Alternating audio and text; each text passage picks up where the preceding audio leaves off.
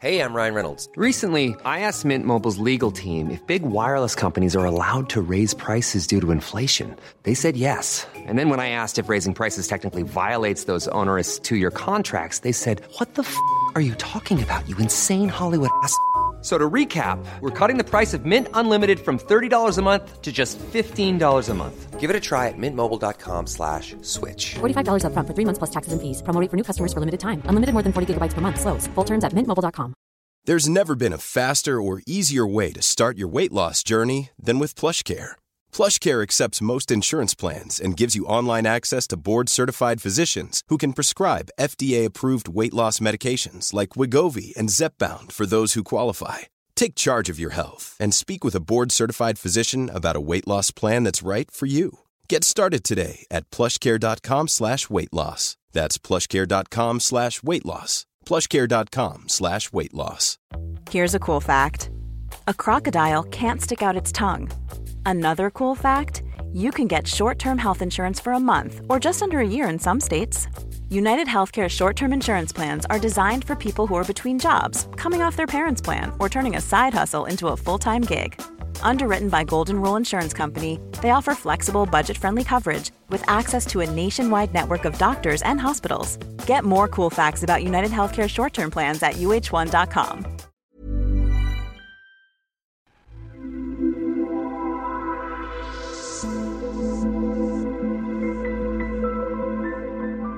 Dag skal vi snakke om et tema som jeg skulle ønske at folk snakka mye om i gamle dager, da jeg var ung. Eh, I 2011 Jeg tror jeg fortalte den historien før, men kanskje ikke i detaljer. Men i 2011 så hadde jeg en vennegjeng, eh, og jeg hadde altså så mye sjalusi til noen av mine venninner at det begynte å gå utover vennskapet vårt, for jeg klarte ikke å bringe verken glede eller kjærlighet eller noe inn i relasjonen, for jeg var så spist opp av sjalusi.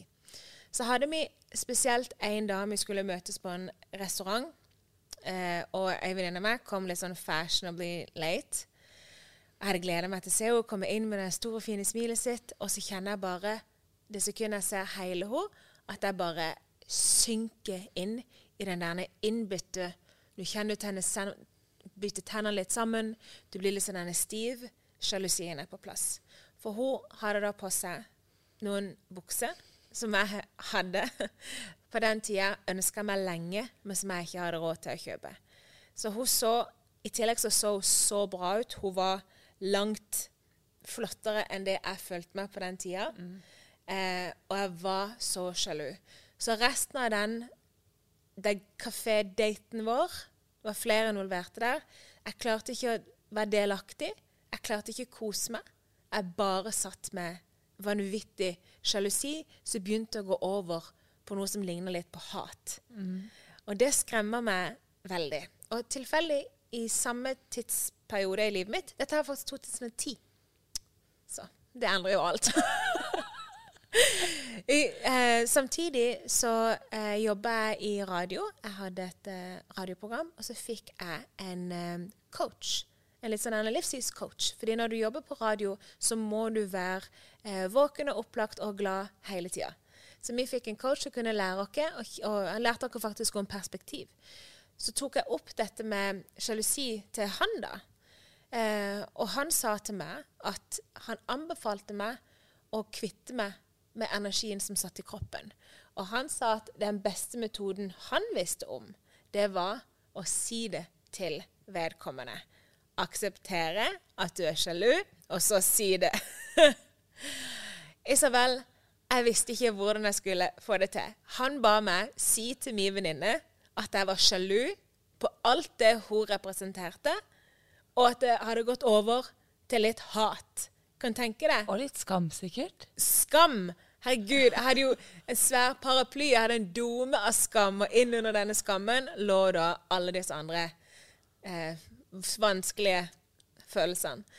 Men jeg gjorde det. Jeg har alltid hatt et veldig sterkt ønske om å bli bedre og ha det bedre eh, og føle meg bedre. Så det er jo egentlig en superegoistisk handling, men jeg har bestemt meg for å gjøre det. Så det gikk litt tid, og så traff jeg hovedvenninna mi, og så hadde jeg bare jeg hadde øvd på hva jeg skulle si, og jeg bare gikk rett ut og sa det. Så sa jeg, vet du hva, jeg, er så sjalu på deg at det er ubehagelig for meg å være rundt deg.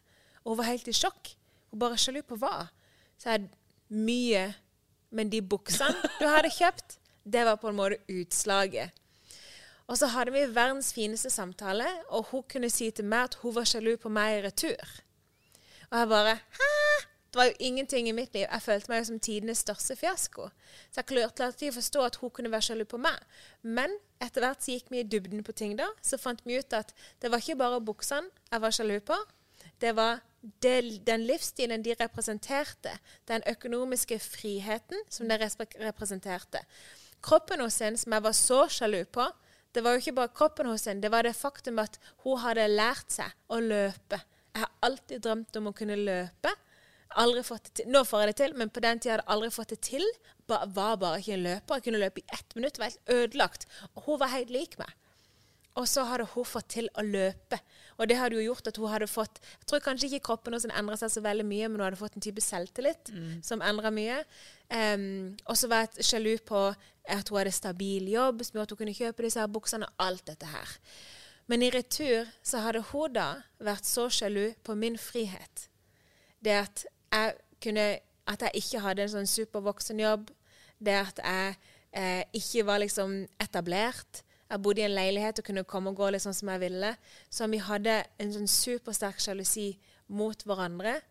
Og fra den dagen av så har det vært min motgift mot sjalusi. Så mange rundt meg kan ofte føle at 'Å, Belinda er så flink til å gi komplimenter'. Nei. Belinda vil overkomme sin egen sjalusi. Så nå kan jeg nesten ta det før noen kommer inn. Det er bare sånn Å, herregud, så flott du er. Så fin du er. Så fort jeg sier disse tingene, så blir det ikke lagra som en klump av sjalusi i magen min. For sjalusi, hverdagssjalusi, eh, ikke sjalu i et parforhold, men dette med å være sjalu på venninne eller på, på verden ofte, eller familiemedlemmer, det tror jeg er noe veldig mange kjenner seg igjen. Jeg har vært sjalu på en fucking stein for at en stein kan ligge stille. Jeg har vært sjalu på alt som kan krype og gå. Og jeg har funnet en metode som gjør at jeg kan håndtere sjalusien hver gang den kommer. Jeg har ikke funnet en motgift for hvordan jeg aldri mer skal oppleve sjalusi, dessverre. Men jeg har funnet ut hvordan jeg kan håndtere min sjalusi. Men det jeg har opplevd, er at svært få tør å snakke om sjalusi. Tør å innrømme at man er sjalu. Så i dagens episode, kjære du som lytter eller som ser på oss, i dag skal vi dykke inn i våre sjalu historier. Isabel skal få lov til å ta inn i hva sjalusi egentlig er for noe.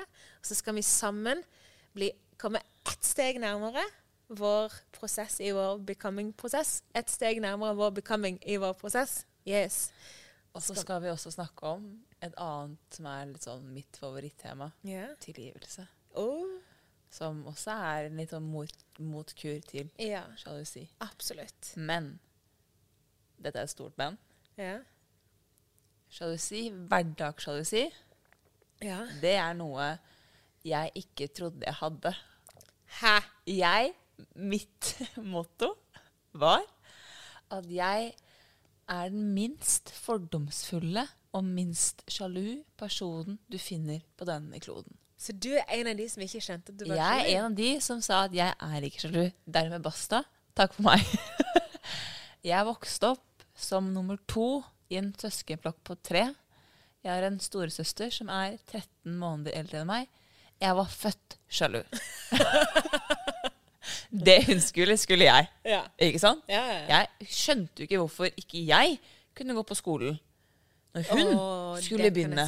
meg. Mm. Hun hadde friminutt, jeg hadde tatt sånn utetid. Altså Ja. det, ja. Så det Jeg er født sjalu. Ja. Det tok meg lang tid å akseptere at jeg er et sjalu menneske fordi sjalusi ofte er synonymt og liksom fremstilt på en sånn veldig stygg og ekstrem måte. Når jeg hører ordet, ordet sjalusi, så tenker jeg sånn Hollywood-filmen Du vet, den ene karakteren prøver å drepe den andre, eller den ene karakteren liksom forfølger den andre. Det er veldig sånn ekstreme tilfeller at sjalusi blir fremstilt. Men sjalusi er på lik linje med alt annet en følelse. Og den oppstår veldig ofte, som alltid, som regel, når vi sammenligner oss selv med andre mennesker. For der er vi gode. Og du og jeg, skal jeg sammenligne meg selv med deg, så er det faktisk helt umulig. Det er litt som at en sitron prøver å bli en banan. De er begge to gule, men de er og blir forskjellige. Og det er jo det som er så utrolig viktig i din egen becoming-prosess, er det at hvis du prøver å se etter mennesker som er der du ønsker å bli, som har måte gjort en endring, så vær litt obs på at det, det ikke bikker over til sjalusi. At du begynner å sammenligne deg med ja, men de fikk det på den måten. Fordi startstreken er to vidt forskjellige. Mållinjen er to vidt forskjellige. Og hvor du er i ditt løp, kontra hvor den andre personen er i sitt løp, det er det ingen som vet. Og det tenker jeg er viktig å huske på med sjalusi. at For sjalusi sier jo egentlig føle, følelsen i seg selv, forteller deg at det er noe du har som jeg også vil ha. Jeg tror eh, det er nok når du har skrelt løken litt. Ja. For meg så var det bare du som får alt servert. Du som ikke trenger noe som helst. Du som ikke aner hvordan det er å måtte jobbe for ting. Du som er så heldig. Jeg har et hat mot deg for at du får til alt. Stakkars meg, offeret, som ikke får ting til. Men coachen min way back then, han lærte meg jo det som Mel Robbins nettopp sa i en podkast sammen med Jay Shetty, en podkast som heter On Purpose. Så sier hun at sjalusi, det er faktisk en guide.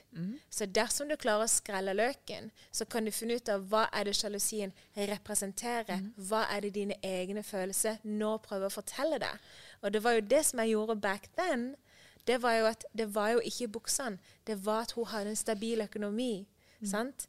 Og det jeg kunne gjøre da, var at jeg kunne begynne å jobbe hardere mot min egen stabile økonomi. Det var ikke eh, det at hun fikk alt servert på et gullfat og liksom hadde livets beste mann og ikke hadde noen ting. Nei, vent litt. Det var ikke det at hun hadde livets beste liv. Det var det at hun hadde et trygt hjem å komme hjem til. Mens jeg da bare hadde en leilighet som ikke føltes som et hjem. Så da måtte jeg begynne å jobbe på det. Hvordan kan jeg skape min egen trygge base? Og på lik linje, så mitt liv Hun drømte jo ikke å bo i en liten rundown leilighet midt i byen og ha dårlig økonomi. Men hun trengte jo gjerne å frigjøre seg litt fra den vanvittig tidlige etableringsfasen hun hadde satt seg i. Og bare kjenne seg litt mer fri. Så det å kunne skrelle løken og bruke sjalusi som en guide, da kan sjalusi faktisk Vi har jo snakka tidligere om at vi skal ikke kategorisere følelser som negative eller, eller positive, men la oss kalle hensiktsmessige eller uhensiktsmessige. Beha altså, du kan, du kan du, Det er ubehagelig. Ubehagelig, ja. Ok, Så sjalusi kan faktisk gå fra å bli en ubehagelig følelse til å bli en behagelig guide. Så det kan nesten være sånn at jeg gleder meg til å kjenne på sjalusi igjen, for da kan jeg faktisk bli bedre kjent med meg sjøl. Når du nå kommer hjem til meg, og jeg er sjalu på hele deg, for du har så mye kunnskap, så blir jeg sånn vet du hva? Det er jo et tegn på at jeg ikke bruker nok tid på bøker. Sant? For det er der jeg henter min inspirasjon og min livskraft fra. Det er faktisk fra det å lese bøker. Så nå skal jeg bruke den sjalusien. Først skal jeg si til deg Wow, du har så mye kunnskap. Det er fantastisk å høre på, for det er det. Og så skal jeg sette inn mer tid til å lese bøker hos meg. Istedenfor å bare være sur. For det av det vi har snakket om tidligere i podkasten, er jo at følelser kommer alltid med en beskjed. Er du villig til å høre? Og sjalusien, når du skreller den Når den først kommer, så er den og vil alltid være ubehagelig. Punktum. Ja, hvorfor er det sånn? Hvorfor kanskje det, det er så vondt i kroppen? Fordi det er Det er som om du kjenner plutselig på en mangeltilstand. Du ser liksom Hun har det. Hun har det jeg har. Og så er veldig ofte opplevelsen at hvis hun har det jeg har, så kan ikke jeg få det. Istedenfor å tenke 'kan hun, kan jeg', så tenker de, og tenker vi, og jeg inkludert her, 'kan hun, taper jeg'. Det er en vinner, en taper her. Og det er det pizzastykket. Ja. Spesielt når det kommer til suksess eller kjærlighet. Dersom noen rundt deg får det til, så tenker du ok, nå har de tatt fra det pizzastykket, nå er det mindre igjen til meg. Ja. Istedenfor å snu situasjonen og si 'hvordan fikk du dette til'? For det er jo det som er så utrolig interessant med sjalusi, er at hvis, hvis sjalusien sier til deg at Kommer en følelse at det er hun eller han, eller de, eller dem, eller hvem nå enn er, eller en sten, har noe jeg ønsker, så er spørsmålet jeg ville stilt meg selv, er jeg villig til å gjøre jobben for å få det til? Hvis svaret da er ja, da blir det en veldig fin guide. Det er en måte en beskjed som sier at dette ønsker du, dette kan du få til. Hvis svaret er nei, da kan du ei heller gå rundt og være sjalu.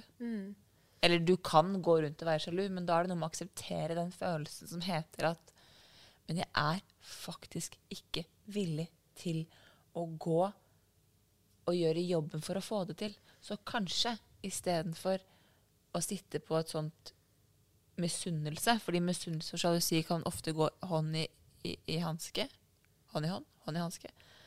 Ja, ordtak er ikke akkurat min sterke side, men det er greit. Eh, så er det å prøve å på en måte snu den rundt til det å unne andre mennesker godt. Fordi sjalusi er ingen dårlig følelse. Det er en beskjed. En ubehagelig beskjed ofte, ja. Mm. En ubehagelig beskjed, men jo fortere du tar den beskjeden, jo fortere du kan klare å jobbe og snu og si OK, vil jeg ha det? Nei. Ja, jeg vil ha det. OK. Da blir det på en måte en ny dragkamp en, eller en ny motivasjon, nye krefter til å gå den veien jeg ønsker å gå. I um, Robin Sharma sin bok 5 AM Club um, så sier forfatteren at vi som mennesker ofte vi ser på suksessfulle mennesker som at de er, de er født inn i dette her. sant? Vi glemmer å se reisen de har vært på, og vi glemmer det faktumet at vanlige mennesker kan få til uvanlige ting ved å bare få inn de riktige rutinene, de riktige vanene, virkelig jobbe for det. I min egen becoming-prosess så har jo jeg gått fra å ha ingen økonomi, ikke eie noen ting, til å bare daffe hjemme i joggeklær, til å plutselig leve et offentlig liv eh, på God morgen Norge, plutselig BFF. Jeg er BFF med vår Staude. Jeg bryr meg ingenting om hva hun føler for meg. Hun er min venn. Jeg liker vår Staude veldig godt. Eh, Jeg har i hvert fall SMS-er med vår Staude, det er faktisk litt sånn en bucket list. SMS med vår Staude, eh, er i magasinet, lever veldig offentlig på Instagram, sant? Eh, går i fine klær og liksom lever livet. Og det å komme dit jeg er i dag, det har kosta meg at jeg ikke har hatt fri en julaften, jeg har ikke hatt fri en nyttårsaften, jeg har ikke hatt fri en 17. mai. Jeg har eh, hatt liksom morgen til kveldsjobber. Det å skape sin egen liv sånn, den, den krever litt. Ja. I denne prosessen mens jeg holdt på, så følte jeg ofte av de som var rundt meg i den tida, at de så på meg som litt sånn en desperat wannabe. Som bare ville bli influenser. Jeg har aldri hatt behov eller ønske om å bli influenser. Jeg har hatt behov om å ha en podkast, nei, ha en plattform hvor jeg kan dele Podcast. podcast, ha en plattform hvor jeg kan dele verdi. Sant? Og for at jeg skal kunne leve av dette, så er det også influence marketing jeg gjør. Um, men så jeg har liksom alltid prøvd å bygge noe større. Og på veien så var det da lite støtte å få, og det var litt mer sånn ha-ha-ha, der er du med plantene dine, så søt du er som virkelig prøver deg på Instagram. sant? Og så, når jeg plutselig da får det til, så er det bare sånn ja, OK, men du får jo alt servert på et sølvfat, så.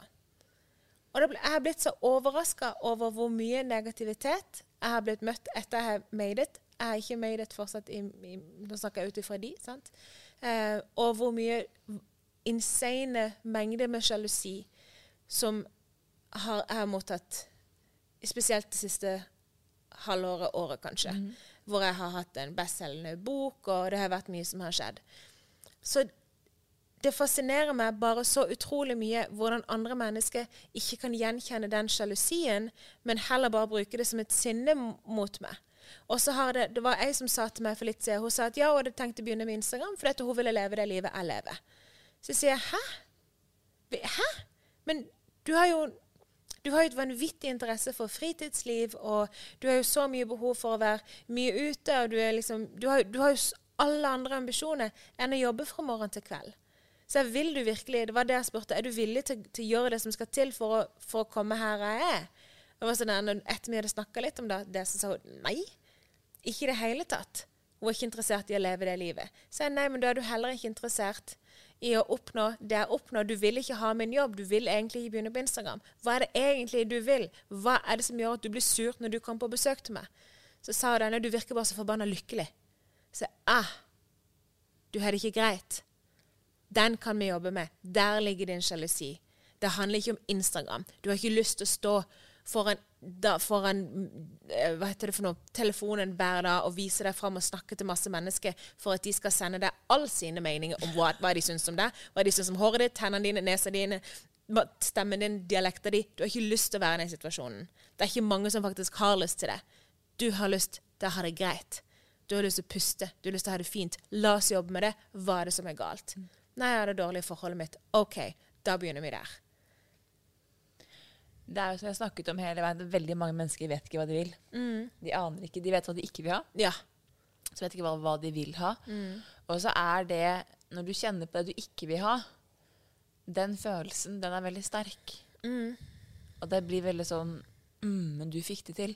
Hvis du, og da kommer, som vi har snakket om før, disse nedlatende sp- spørsmålene. sant, Offermentaliteten kommer.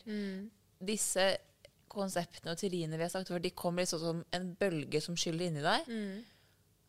Og så klarer man ikke å håndtere det faktum at jeg vil noe. Jeg vet ikke hva jeg vil. Jeg vet ikke hvor jeg vil. Men du fikk det til.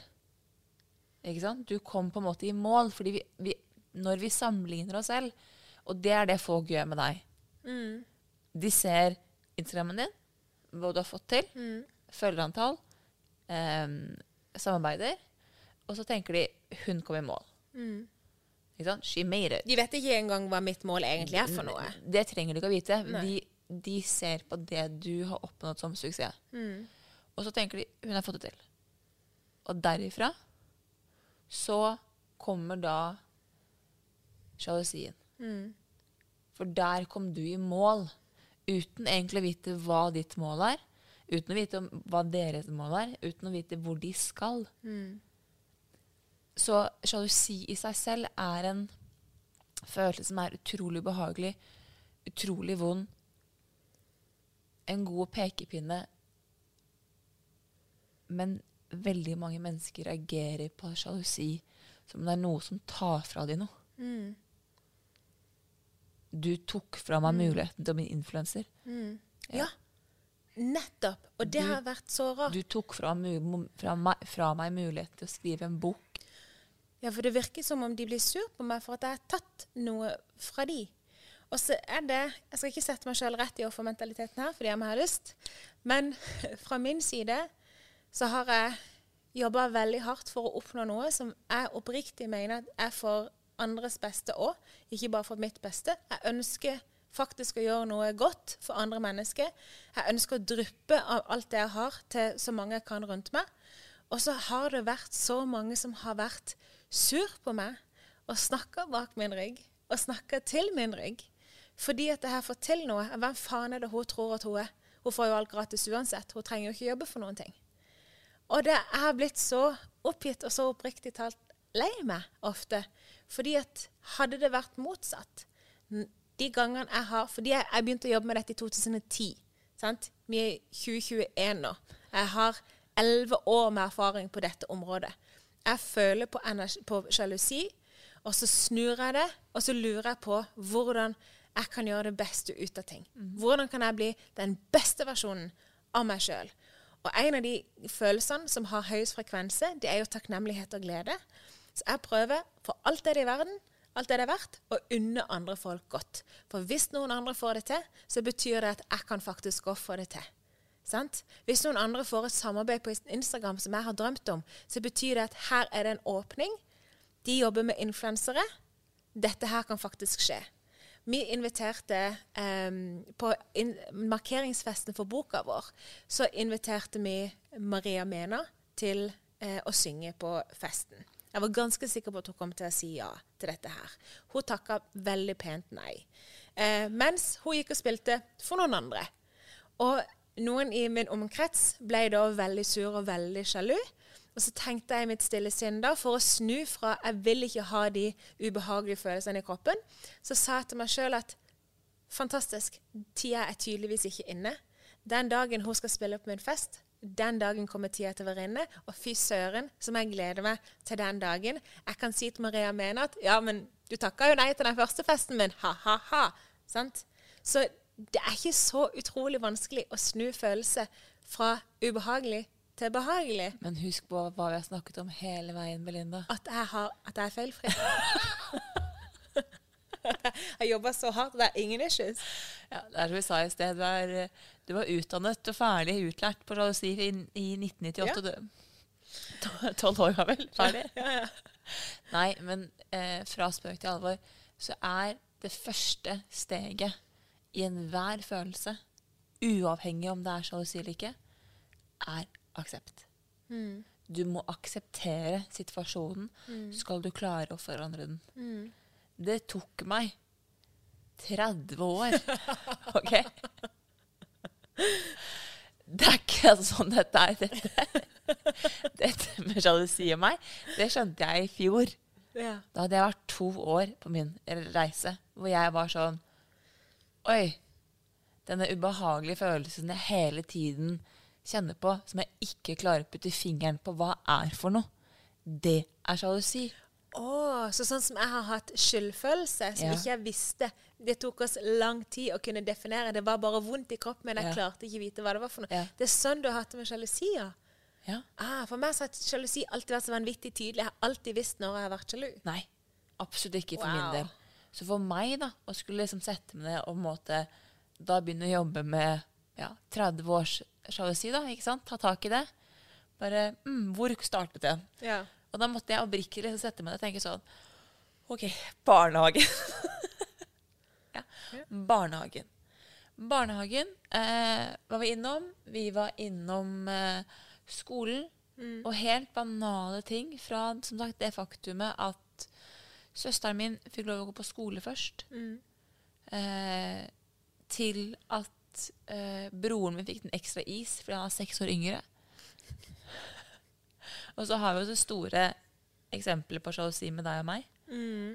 Det tok jo meg fire år for jeg klarte å innrømme til deg at jeg og Belinda, vi var jo traff hverandre i San- Diego, og så øh, kommer du hjem til Norge Vi studerte Vi på studerte. Cal State i San Diego. i San Diego, og så ender det opp med at øh, Belinda skal hjem til Norge. Jeg er hjemme i, øh, i Norge i seks måneder. Og da har Belinda truffet mannen i sitt liv. Og det gjør fysisk vondt for meg. Fysisk vondt, ikke fordi jeg ønsker Janko. Altså, jeg liker Janko veldig godt. Men jeg, det var ikke at jeg ønsket Janko som min mann. Men det var det faktum at du fant kjærligheten.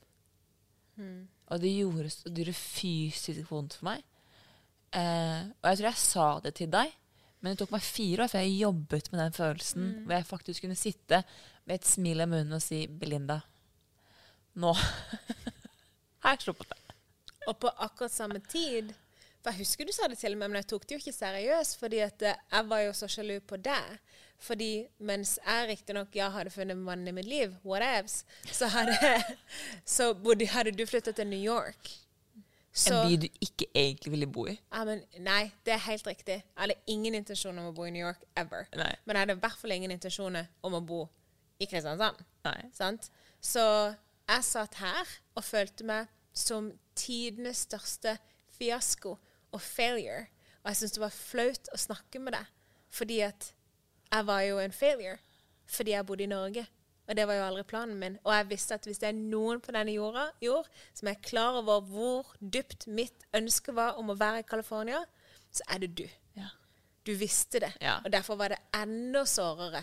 Så vi gikk jo lang tid uten å ha Eller vi hadde jo kontakt med veldig, veldig sporadisk. Mm.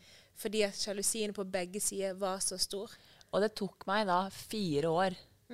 Da jeg traff deg nå i, i våres igjen, da kunne, jeg, da kunne jeg oppriktig sette meg ned, smile til deg og si Belinda, nå I got this. I got this.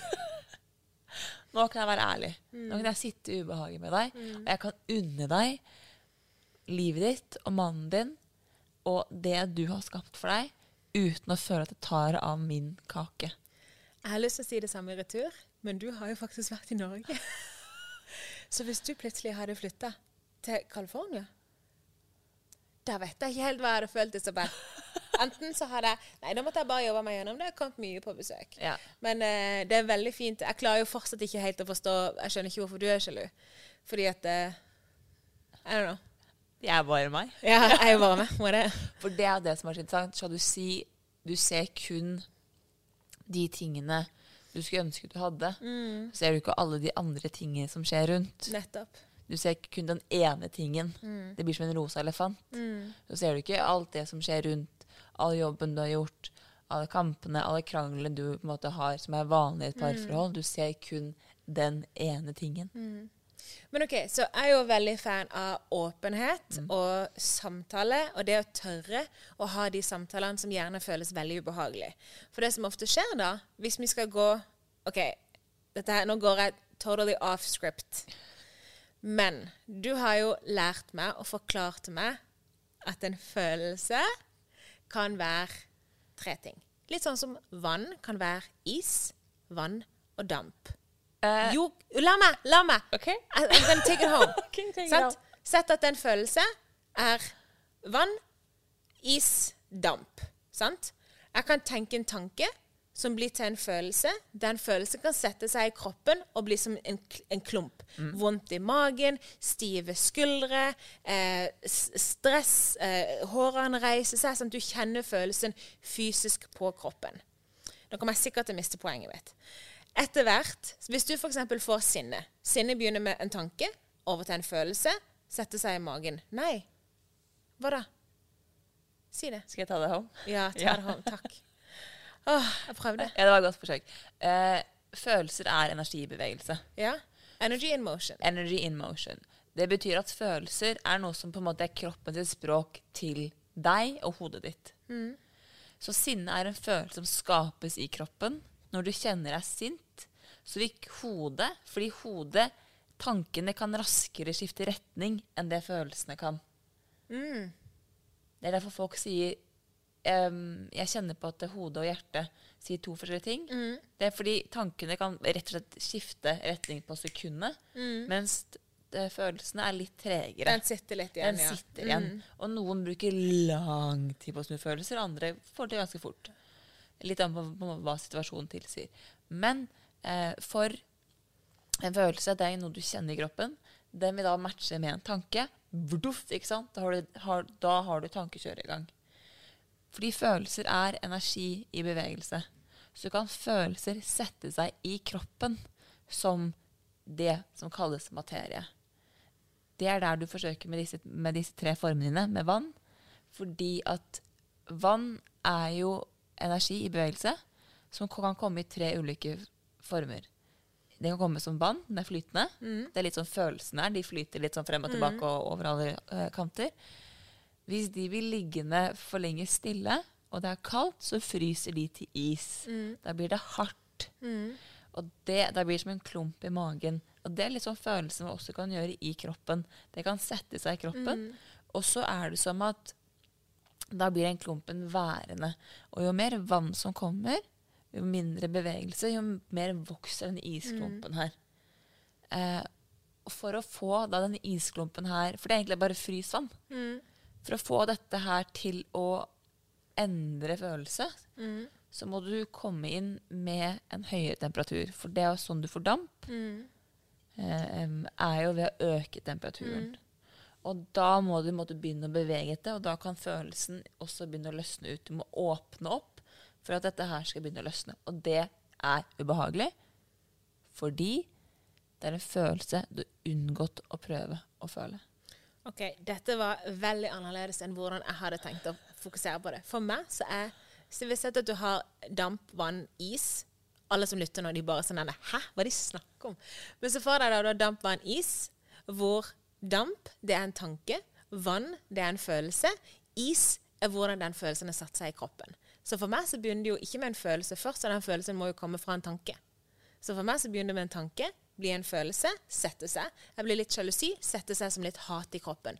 Og ofte når jeg da får litt hat i kroppen, det liker jeg jo overhodet ikke. Så det som skjer da, jeg får en ny tanke, som blir til en ny følelse, som da gjerne er sinne. Så da har jeg kroppen da Jeg har én isklump som heter sinne, én isklump som heter hat, og de prøver da å kjempe mot hverandre. Og det funker som, som regel ekstremt dårlig. Så da har jeg funnet ut i min, min egen Dette er quote Belinda Jacobsen. Dette, er min egen teori. Ja, ja, dette er min egen greie. Da føler jeg at sett, energi er jo bare uh, frekvens. Det er jo bare bølger, sant? Og en bølge som vi bruker mye, det er jo lyd. Sant? Det er det første som skjer når vi kommer ut av vår, vår mor. Vi gråter. Hvis du blir, blir redd, så er det wow. Sant? Og når du er glad, så er det ha-ha-ha. En forløsningsmetode. Så da er min teori at jeg må feste den isklumpen på en bølge nede i magen, og så skal jeg få den ut av kroppen med å si det som det er. Så noen ganger hvis jeg går på mye skam, f.eks. rundt min mann, jeg har gjerne da gått inn og skapt en krangel. Skape storm på stille sjø. Min ekspertise. Gå inn og skape en krangel, lage dårlig stemning. Gå ut av situasjonen, tenke over hva jeg har gjort. Føle meg dødsdum, for det ga som regel ingen mening. Så går jeg tilbake igjen da med denne isklumpen i magen og tenker den skal jeg få ut. Jeg fester den på en liten bølge, og så sier jeg du Jeg har ikke noe mening, jeg er lei meg for det. Og så kjenner jeg meg så letta. Så det er min teori, da. Men vet du hva du nå forklarer? Hva? Emosjonell avhengighet. Hæ? Fordi at du har festet en følelse på en tanke. Det vi snakket om i forrige episoden, hvor vi snakket om det emosjonell, em, em, emosjonell avhengighet, da snakker vi om det faktum at kroppen din går inn i et stressmodus. Det autonome nervesystemet kicker i gang, og du skal beskytte deg. Og dette er noe hvis kroppen din gjør dette nok, så blir du avhengig av den følelsen. Da trenger du bare å tenke tanken, og følelsen kommer prrr, rett ned. Hva- Er ikke dette normalt? Er det ikke sånn alle har det? Eh, det er nok mange som har det sånn, men det handler ikke om følelse, om å gjøre følelse, altså energi og følelse, og gjøre det til materie. Wow. Du har bare laget en, en analogi. Ja, og det har gitt så men, mye men mening. Men den gir veldig mening. Ja. Det, er, det, er ikke det er ikke at den ikke er bra. Jeg syns den er egentlig veldig fin. Det, men det er en god analogi på emosjonell avhengighet. Wow. Og ikke på det å transformere følelser i kroppen. Ok, Klipp og lim dette inn i forrige pod. Ok, men kult. Men, men, okay, så, men uansett, i sjalusi da, så har dette vært min måte å forløse på. Ja. Sant? Det er rett og slett å bare Jeg må si det. Ja. Hvis ikke jeg sier det, Ja. med tanke på at jeg ikke løper, jeg bokser ikke, jeg får ikke det ut av kroppen på noe som helst annet vis enn å bare si det. Hvordan anbefaler du å angripe sjalusi? Hverdagssjalusi. Og du som lytter, jeg minner deg på at vi snakker ikke noe om sjalusi i parforhold. Vi snakker om denne hverdagssjalusien som du kan ha på ehm, alt. Da skal vi snakke om et av mine favorittverktøy. Og det er tilgivelse. OK? Fordi dette er kanskje et av de viktigste, men også vanskeligste verktøyene når det kommer til egenutvikling. Fordi for veldig mange så kan tilgivelse virke fjernt. For det kan være så sinnssykt mangt. Og det er veldig mange ulike definisjoner av tilgivelse. Jeg definerer tilgivelse som en praksis for å frigjøre deg fra de mentale, følelsesmessige, fysiske og intellektuelle giftstoffene og blokkeringene som holder deg tilbake. Og nå kan det hende du, du uh, stusser for jeg sa giftstoffer. Mm. I episoden om emosjonell avhengighet da snakket vi om hvordan du kan bli avhengig av følelsene, som vi akkurat snakket om nå. Med dine magiske analogi på is, vann og damp. Og hvordan stress påvirker nervesystemet vårt. Så når du holder igjen på smerte, isklumpen som du definerer med, smerte, skuffelse, skam, skyldfølelse, svik og andre følelser, så, så produserer, produserer kroppen din stresskjemikale kortisol, fordi hjernen din tror den skal beskytte seg, og over lengre tid så er dette her giftig for hjernen din. Derfor blir du utbrent, syk. Hjernen er, kroppen er ikke ment til å håndtere så mye stress. Det er det jeg kaller giftstoffer. Det er det du kaller damp. Eller prosessen du kaller tilgivelse for damp. Eh, Jeg kaller tilgivelse denne prosessen for tilgivelse. Nå wow. vi, for, for de som ikke ser, så sitter vi helt sånn der målestart. Ja, nå har jeg en sånn super aha moment. Så du kan fysisk bli syk av såkalte åh, jeg til å si negative følelser. Ubehagelige følelser. Du kan fysisk bli syk av det. Ja, ja, ja. Jeg tenker jo med en gang alle jeg kjenner som alltid er syke, jeg bare ringer de asap. Men altså, det trenger ikke nødvendigvis være en sykdom. Det kan være Ja, men- stive skuldre, hodepine, hofter. Ja, jeg har jo slitt så med hoftene Ja. i det siste. Så etter en vanvittig stressa Så kroppen din kan faktisk fortelle deg at nå er det noe, en følelse som må slippes løs. skal si deg en morsom ting som du kanskje ikke vet. Jeg har jo hatt så vondt i hoftene. Jeg har aldri hatt vondt i hoftene før i mitt liv. Jeg har gjort yoga hver morgen. Jeg har strekk, strukket, strukket, strukket, strukket. Og så leste jo vi om at eh, som, hvilke følelser som kan sette seg i hoftene. At det ofte er stress. Og så kjørte jo vi av det i går en meditasjon hvor vi gikk inn for å friløse litt uh, ting og tang av stress inni meg. Og jeg har ikke hatt antydning til vondt i hoftene siden da. Rart det der. Ja, det er rart med det. Ja. Jeg blir så skeptisk. Jeg bare sånn, Det har ingen sammenheng, men litt kult allikevel. Det betyr ikke at jeg ikke sier gå til legen. Altså sånn Vi har den vestlige medisinske kompetansen fordi den er veldig bra. Ja. Hvis jeg blir forkjølet eller blir syk, så er ikke jeg sånn Nei, la meg ikke gå til legen. Jeg skal heller sitte og på en måte holde på med tilgivelse. Jeg går til legen og får antibiotika. 110% Jeg gjør kanskje noe tilgivelse på siden. Ja. Det er en kombinasjon for min del. Og så er det, det, er, det er mye mer vi kan gjøre før vi trenger å gå til legen. Ja. For å unngå å måtte gå til legen. Men tilgivelse har to aspekter. Selvtilgivelse og det å tilgi andre. Fordi, men egentlig så er all tilgivelse selvtilgivelse. Det å tilgi seg selv. Fordi dårlig samvittighet, skam og skyldfølelse har ingen transformasjonsverdi. Som betyr at du kan ikke bruke det til noen ting.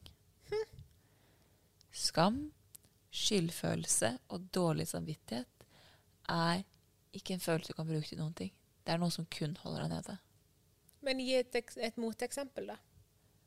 En På noe som kan brukes. Sjalusi Ja, du kan bruke det som en guide, som en er en beskjed. guide. Sinne er også en guide. Frykt er også en guide. Skam holder deg nede. Skam lever i hem hem hemmelighet. Skyldfølelse sier at du har gjort noe. Skyldfølelse er ofte til skam. Wow. Hvis du går og bærer på mye dårlig samvittighet, Nå er du skikkelig spak her. så får du ikke gjort noe med det. Gjort er gjort, spist er spist. Hva kan du gjøre? Jo, du kan tilgi deg selv for dine handlinger og ønske å gjøre noe bedre i morgen. Men Det er ikke noe men. Michael Beckwith, vår kjære venn Michael, han definerer selvtilgivelse ved at jeg tar ansvar for mine handlinger og tilgir meg selv for alt jeg bevisst eller ubevisst har gjort for å skade meg selv eller andre videre. Det er tillatelse til å gi slipp på følelser som kan kjennes på som et anker i hverdagen. Jeg vil også bare si at selv om vi nå snakker om tilgivelse, og folk har gjort deg vondt, så betyr ikke det at du ikke skal ta riktige grep mot vedkommende. Har noen vært slemme? Hvis det er begått et lovbrudd, selvfølgelig ring politiet. Det er ikke, altså, det er ikke, et, ikke tillatelse at folk kan bruke deg som de vil, men det gir deg friheten til å kunne slippe på følelser som sitter i kroppen. For det er det mange tenker at hvis jeg, dersom jeg tilgir det mennesket som har skada meg, så slipper de unna. Men sannheten er at det er du som slipper unna. Helt riktig. Og da jeg innså det, så løsna veldig mye for meg òg. Ja. Jeg har jo vært gjennom eh, en voldtekt. Eh, og det, det var, jeg var 19, så det er jo mange år siden. Um, men Og det jeg har liksom håndtert det, kommet meg gjennom det, og alt dette her. Men da jeg begynte å lese om radikal tilgivelse, den boka av Colin Tippen, så sier jo han nå at du skal tilgi mennesker som har gjort deg vondt. Og da lukka jeg igjen den boka og tenkte denne forfatteren vet tydeligvis ikke hva han snakker om. Eh, uaktuelt. Så ringte du meg, Så ringte jeg til deg. og så sa du at det er den dummeste boken Ja. du noensinne har kunnet Ja. anbefale. Ja. Og, s- nei, og, og så gikk det tre sekunder, så sa du forklar meg. Ja. Og så begynte jeg å forstå litt. Ja. Så gikk det noen måneder før jeg orka å ta den opp igjen. Og da måtte jeg bare bite tennene sammen og ikke bare lese introen, men faktisk gå i dybden på det med et åpent sinn og prøve å forstå. Det jeg innså da, var at jeg hadde valgt å ikke tilgi han, jobbe meg gjennom sånn at jeg kan fungere optimalt, men ikke tilgi han for det han gjorde, for jeg kan ikke slippe han. Men jeg, det handler jo bare om meg. Han lever jo sikkert livets glade dager. I don't give a fuck. Det har ingenting med saken å gjøre. Men egget gikk jo og bar på en sinne og en frustrasjon og skam og alt dette her. sant? Fordi du går og lever et fengsel i deg selv, hvor du hele tiden ja, men den følelsen her, den skal jeg gå og bære med meg. Og det å tørre å sette seg ned i sitt stille sinn og tilgi en person som har voldtatt deg. Og tilgi deg selv for at du ble Altså sånn tilgi deg selv, fordi veldig mange mennesker tenker det var min feil. Ja, ja, ja. Jeg skulle gjort noe annet. ikke sant? Jeg var dum. Skammen. Skammen, Ja. vår kjære venn. Skam kommer. Hva er det skam trenger? Empati. Ja. Så alle disse tingene her kommer, og så sier vi nei. Skal ikke tidlig. For da må jeg slippe vedkommende inn i livet mitt igjen. Det er Nei, du slipper fri. Du slipper fri. du Du slipper slipper, deg selv fri. Det er som om du har den som du ofte har sagt til meg, så får du at du har en strikk eller et bånd eller noe mellom der vedkommende. Tilgivelse. Det å klippe det båndet. Ja. Det er It's done. Ja. Og de er å sette deg selv fri, sånn at du kan leve det livet du ønsker å leve. Altså, kjipe ting skjer hele tiden med veldig mange gode mennesker. Ja.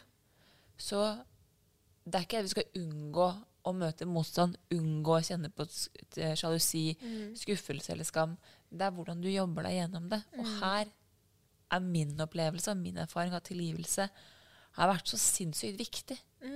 For da jeg leste den bo- den boken 'Radikalt tilgivelse' som begynte å tilgi, så var jeg først sånn mm, ja, Hvor mye effekt har det? tenkte jeg. Altså, hva, kan det Jeg her, tenkte det. hva kan det egentlig gjøre?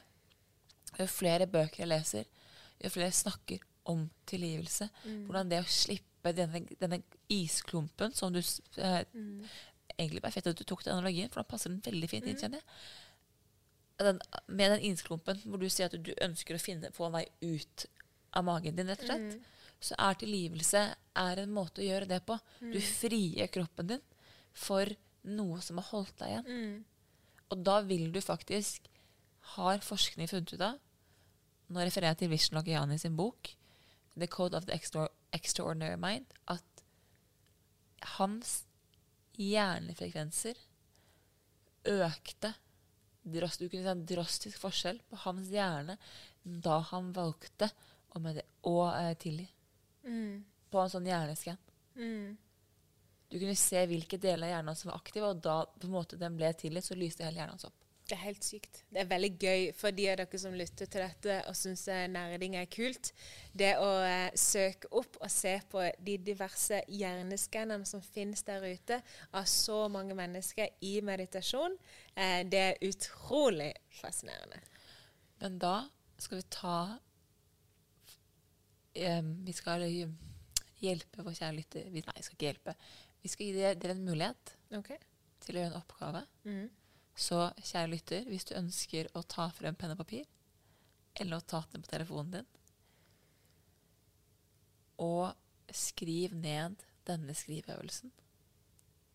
Jeg tilgir meg selv for.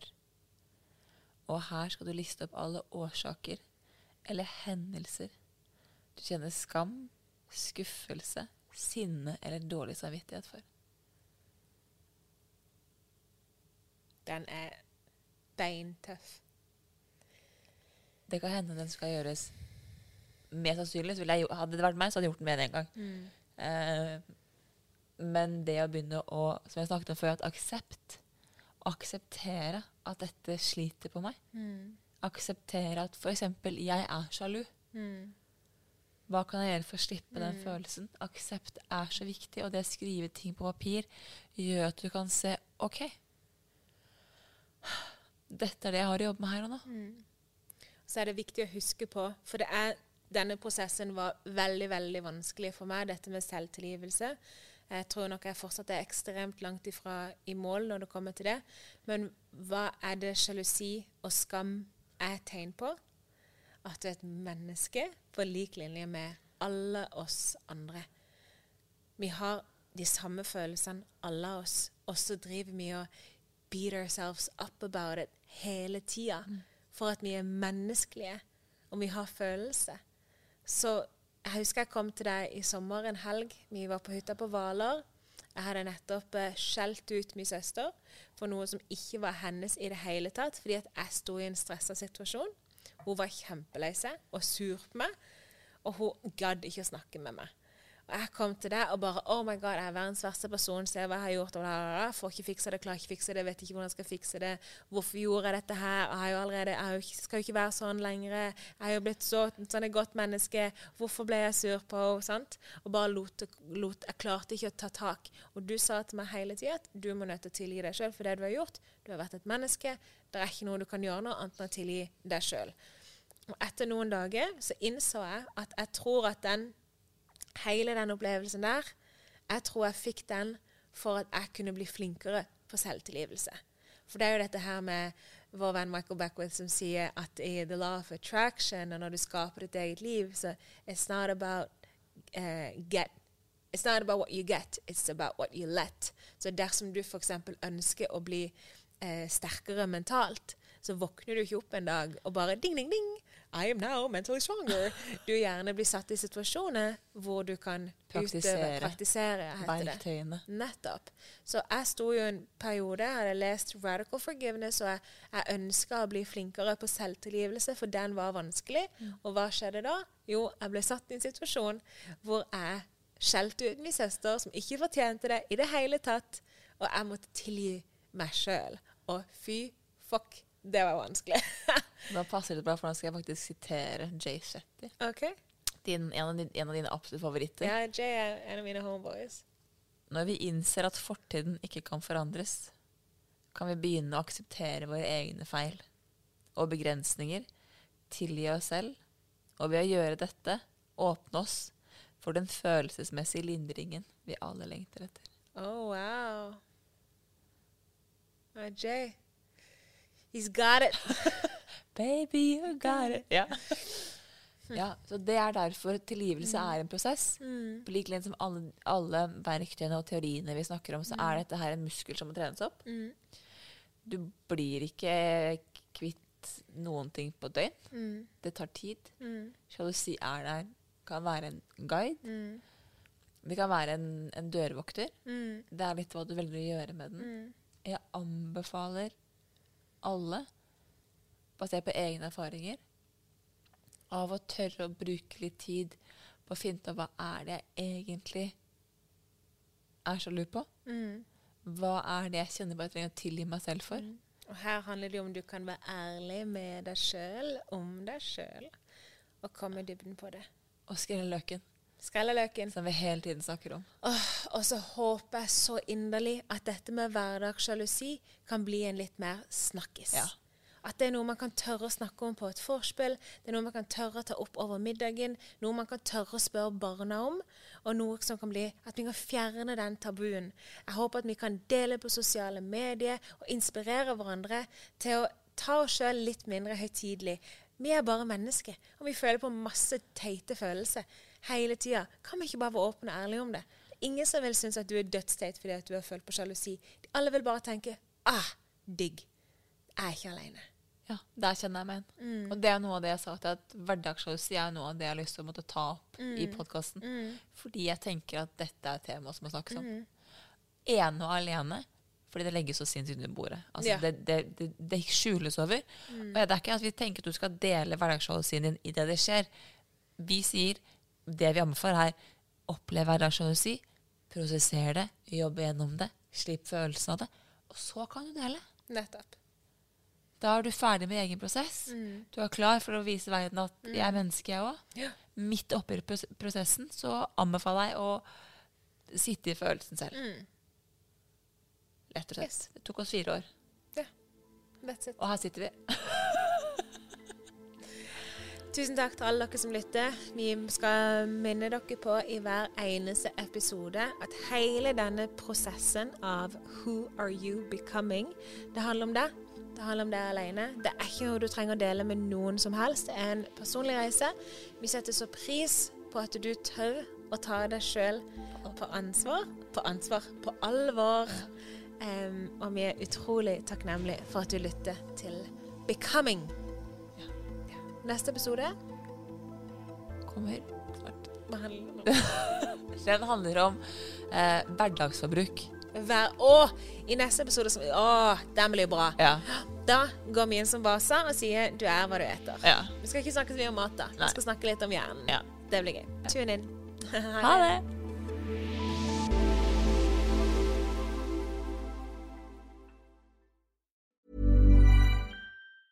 Hey, it's Danny Pellegrino from Everything Iconic. Ready to upgrade your style game without blowing your budget? Check out Quince. They've got all the good stuff shirts and polos, activewear, and fine leather goods, all at 50 to 80% less than other high end brands. And the best part? They're all about safe, ethical, and responsible manufacturing. Get that luxury vibe without the luxury price tag.